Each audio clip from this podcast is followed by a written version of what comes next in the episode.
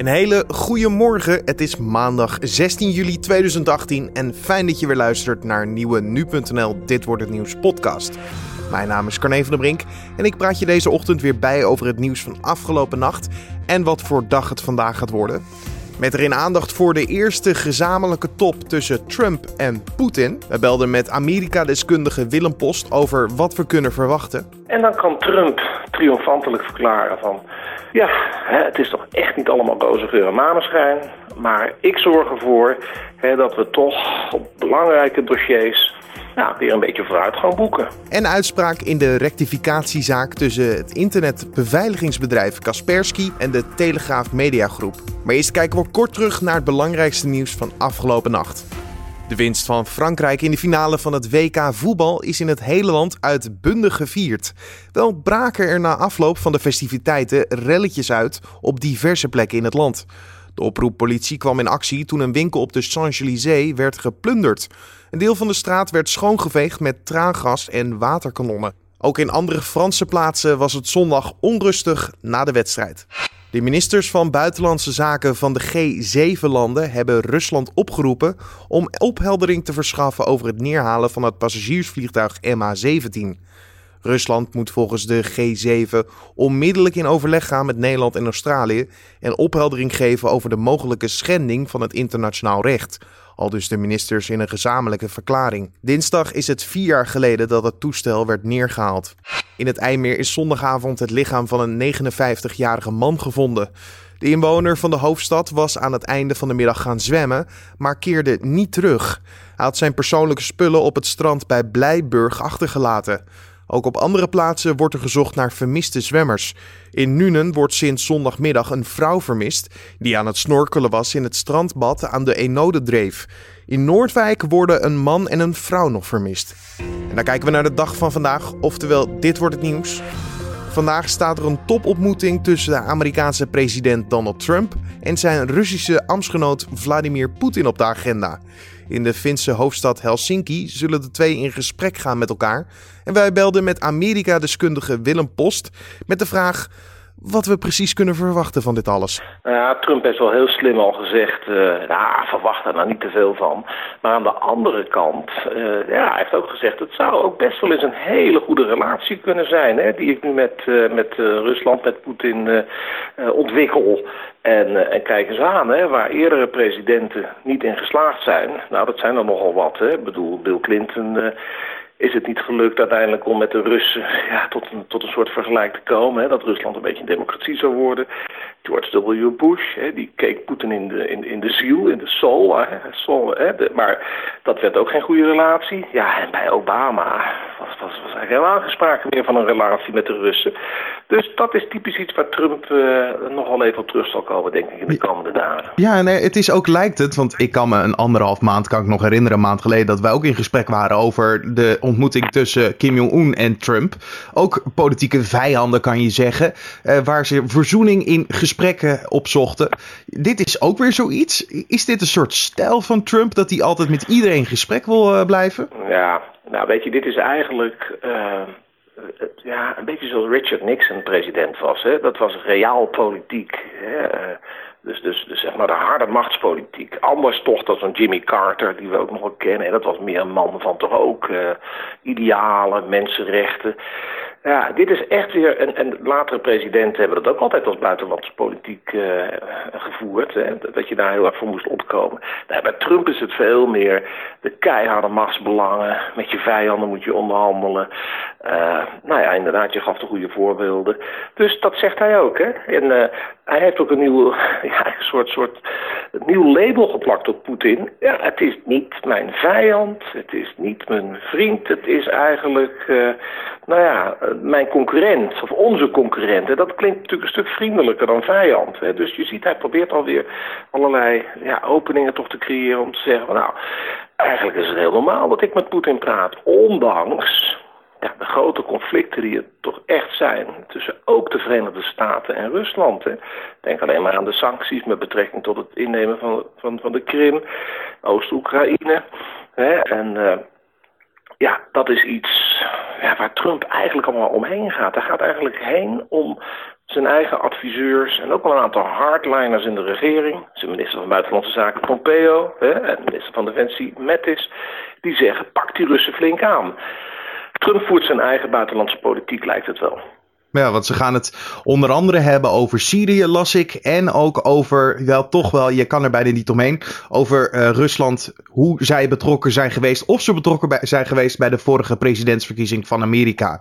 Dat zijn de grote hoofdlijnen toch van, uh, van vandaag? Ja, en daar gaat, daar gaat Trump inderdaad vandaag uh, waarschijnlijk op, op, een, op een Trumpiaanse wijze uh, mee om. Want hij heeft al tegen journalisten gezegd, nou ik ga het echt wel, uh, echt wel met, met Poetin bespreken. Hè? Want heb je, maar dan in vragende vorm.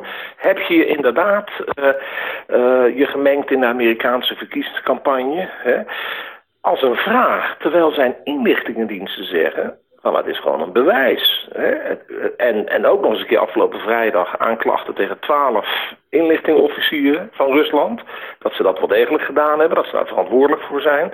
Dat, dat zegt Trumps eigen ministerie van Justitie. Dus het lijken wel ja, twee Amerika's. En in dit geval is het het Amerika van Trump. Ja, wat toch een hele andere toon aanslaat tegen Trump, tegen, tegen Poetin. Denk je eigenlijk nog dat dit uh, bezoek van Trump uh, in Helsinki, samen met Poetin natuurlijk, dat dat nog gevolgen kan hebben voor dat hele onderzoek? Ja, nou kijk, het is natuurlijk uh, maar net de vraag uh, wat voor concessies Trump doet. Hè. Kijk, uh, Poetin wil heel graag dat bijvoorbeeld die oefeningen van de NAVO, van de Amerikanen ook, in de Baltische Zee, Estland, Letland, Litouwen, die staten heel dicht, voormalige Rusland-republieken, Sovjet-republieken. Ja, dat, dat, dat, dat de NAVO zich daar een beetje terugtrekt. Kijk, als dat zou gebeuren, waar wel behoorlijk wat mensen angstig voor zijn, andere NAVO-leiders. Dat zal toch niet gebeuren? Ja, kijk, dan zal je ook in Amerika natuurlijk wel een discussie krijgen van... ja, waarom doet Trump, Trump dit? Hè? Nee, ik denk dat, dat Trump...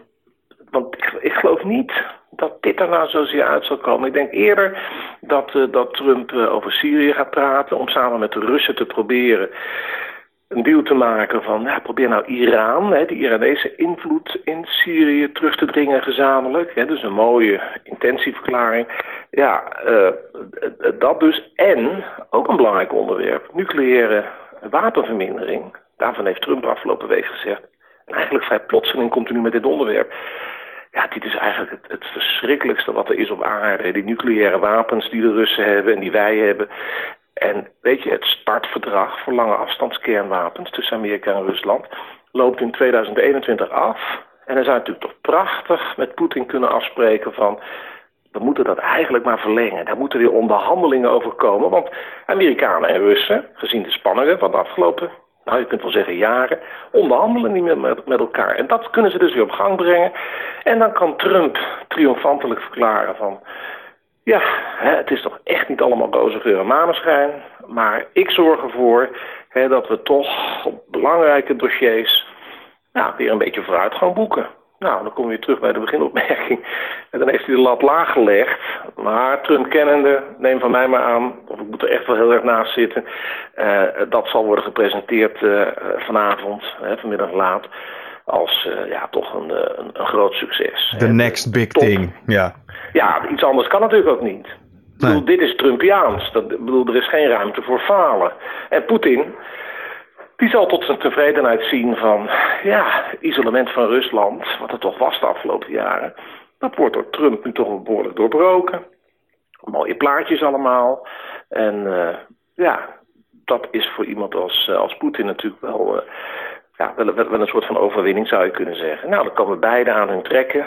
Maar ja, het is eigenlijk allemaal nog maar een beetje eerste stapjes. En de spanningen tussen Amerika en Rusland blijven natuurlijk wel. Hè. Je hoorde Amerika-deskundige Willem Post. De rechter doet vandaag uitspraak in een zaak tussen internetbeveiligingsbedrijf Kaspersky en de Telegraaf Mediagroep. Kaspersky wil een rectificatie van de Telegraaf vanwege een artikel uit februari. Julien Dom hoor je in gesprek met Stan Hulsen van onze techredactie. Want hoe zit het nou precies? Nou, het begon allemaal begin dit jaar in een uitzending van Nieuwsuur. Ja, wie vandaag via internet wilde bankieren of met Ideal wilde betalen, heeft het waarschijnlijk wel gemerkt. Overal meldingen van storingen. Afgelopen weekend werden ABN AMRO en ING al getroffen door een DDoS-aanval. En vandaag waren de Rabobank en ook de Belastingdienst, Rijkswaterstaat en DigiD aan de beurt. En er zouden nog meer doelwitten zijn. Nou, zoals je hoorde waren verschillende banken begin dit jaar getroffen door zogenaamde DDoS-aanvallen. Daarbij worden die websites bestoken met enorme hoeveelheden dataverkeer, waardoor gewone bezoekers er niet meer bij kunnen. En Nieuwsuur had een expert ingeschakeld om die aanvallen te duiden. Laten we er naar luisteren. Rian van Rijbroek is bij ons. Hij is eh, expert cyberveiligheid en schrijver van het boek eh, De wereld van cybersecurity en cybercrime. Hartelijk welkom. Dankjewel. Nou, deze van Rijbroek schreef samen met oud-minister Willem Vermeend een boek over digitale beveiliging. Maar na haar optreden in Nieuwsuur werd haar kennis nog al snel in twijfel getrokken. Onder meer omdat ze zei dat mobiel bankieren niet veilig is. En ook werd er in dat boek al snel plagiaat ontdekt. Oké, en nu gaat het dus eigenlijk weer over haar kennis. Allemaal vanwege een profiel in de Telegraaf dat volgens mij in februari werd gepubliceerd. Ja, op die zaterdag na die uitzending in Nieuwsuur kwam de Telegraaf met een artikel over die van Rijbroek. Uh, ze was dus net door de mand gevallen bij Nieuwsuur. Er werd plagiaat ontdekt in dat boek wat zij had geschreven. En dat artikel begon met een scène waarin zij in, het Utrecht, in Utrecht langs het kantoor van een wereldberoemd Russisch softwarebeveiligingsbedrijf zou hebben gelopen. En daar op het computernetwerk zou hebben binnengedrongen. En dat bedrijf is dus het Russische bedrijf Kaspersky. Ja, dat bedrijf wordt niet expliciet in het artikel genoemd, maar ja, een wereldberoemd Russisch softwarebeveiligingsbedrijf. Dat verband werd natuurlijk al wel snel gelegd. En Kaspersky Lab vond dat natuurlijk niet zo leuk, want zeggen zij, ja, waarom zou een klant ons inhuren om zijn netwerk te beveiligen als wij niet eens ons eigen netwerk zouden kunnen beveiligen? Maar is het dan ook daadwerkelijk gebeurd, dat binnendringen op het netwerk? Nou nee, de Telegraafjournalisten die dit artikel schreven, die zeggen dat zij met deze scène de grootspraak van Van Rijbroek wilden illustreren. Kaspersky Lab zelf zegt dat zij intern onderzoek hebben gedaan en dat daar niets is gevonden. En ook Van Rijbroek zelf, die ontkent inmiddels dat... Uh, en ook Van Rijbroek zelf, die ontkent dat zij ooit bij Kaspersky Lab heeft binnengedrongen. Maar waar komt het verhaal dan eigenlijk vandaan? Nou, de Telegraafjournalisten die zeggen dat zij het verhaal hebben gehoord van een anonieme bron, die niet in het artikel wordt genoemd. En enig idee wie dat dan zou zijn? Nou, de rechter vroeg daar twee weken geleden natuurlijk ook naar. Maar de Telegraafjournalisten die zeggen... nee, we gaan de identiteit van deze persoon niet onthullen... want daarmee schenden wij ons uh, brongeheim. Uh, maar Kaspersky Lab denkt inmiddels wel een aardig idee te hebben... wie die bron is. Namelijk oud-minister Willem Vermeet... die samen met Rian van Rijbroek dat boek schreef. En waarom denken zij dat dan? Nou, ze baseren zich daarmee onder andere op dit telefoongesprek... tussen Rian van Rijbroek en Willem Vermeet. Het enige waar ik me heel veel zorgen over maak... Ja? Van waarom heb je daar verteld van Kaspersky? Van uh, die hack? Nee, maar heb ik niet verteld, joh. Ik heb, ik, ik, ik, ik heb alleen verteld van wat de Kamer zei. Uit de Kamer. Dat heb ik het opgeschreven. Maar hoe komen ze dan aan dat van uh, Kaspersky? Nou, Kaspersky denkt dus dat die mannelijke stem die je zojuist hoorde, dat dat oud-minister vermeend is. En die stem die zegt dus dat hij iets gehoord heeft, wat hij dan weer doorverteld zou hebben aan die telegraafjournalisten uh, over die hack bij Kaspersky. Vanmiddag moet er dan meer duidelijk worden. Wat kunnen we precies verwachten? Nou, de rechter moet op twee punten een oordeel vellen. Allereerst moet de Telegraaf dat artikel wat zij hebben geschreven rectificeren. En ten tweede moet de rechter ook beoordelen of die anonieme bron inderdaad minister vermeend is. En zo ja, dan wil Kaspersky Lab dat ook hij zijn woorden terugneemt. De rechter doet aan het eind van de middag uitspraak. En kort daarna vind je deze dan ook op nu.nl. En dit gebeurt er verder vandaag nog. Namelijk een pro-forma zitting tegen twee terugkeerders uit Syrië en Irak na de val van Islamitische Staat. Het gaat om een 33-jarige vrouw uit Ede en een 30-jarige man uit Amsterdam. De verdachten werden los van elkaar in Turkije aangehouden toen ze daar de grens waren overgegaan. Het Openbaar Ministerie had een internationaal aanhoudingsbevel tegen hen uitgevaardigd, zoals tegen alle personen van wie bekend is dat zij zijn uitgereisd. En nou kijken we waar onze collega's vandaag over schrijven. Russische internettrollen hebben op Twitter geprobeerd het publieke debat in Nederland en België te beïnvloeden. Accounts die volgens Twitter zijn verbonden aan de beruchte trollenfabriek, genaamd Internet Research Agency in Sint-Petersburg, verspreiden de afgelopen twee jaar zeker 900 Nederlandse berichten. Dat blijkt uit onderzoek van het NRC op basis van ruim 200.000 door trollenfabriek verstuurde tweets. FNV gaat ervan uit dat het grootste deel van de achterban in zal stemmen met de nieuwe CAO voor het streekvervoer. Zo schrijft Trouw vandaag. Zaterdag schreef de krant nog dat het een brief in handen had waarin een groep kaderleden van de bond aangaf ontevreden te zijn over het akkoord en de manier waarop deze tot stand kwam. En dan nog even het weer van vandaag. Het wordt zomers weer, maar dat zal je waarschijnlijk niet verbazen. Het wordt tussen de 27 en 30 graden. Strandgangers kunnen in de middag te maken krijgen met een koele zeewind.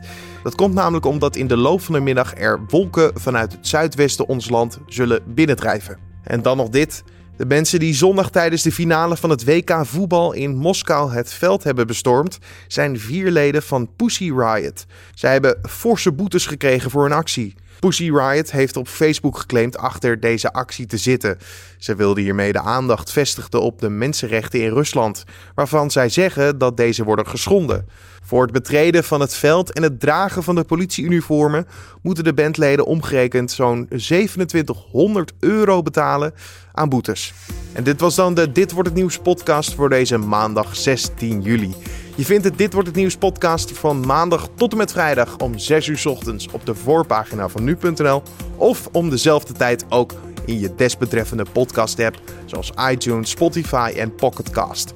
Vind je dit nou een fijne podcast en wil je dat ons laten weten? Dat kan via een recensie op iTunes of natuurlijk via een mailtje naar redactie.nu.nl. Ook feedback is daar altijd welkom. Voor nu wens ik je een mooie dag en tot morgen.